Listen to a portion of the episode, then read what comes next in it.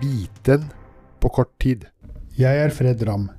Dissosiering er kjennetegnet ved at vi mister opplevelsen av å være i kontakt med virkeligheten, slik som ved ut-av-kroppen-opplevelser.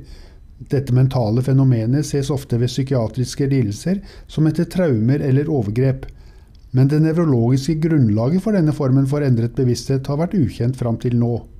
En ny studie avdekker at dissosiering er forbundet med en rytmisk aktivitet i et nervecellelag i den del av hjernen som heter retrosplenial cortex, nærmere bestemt til lag nummer fem av hjerneceller.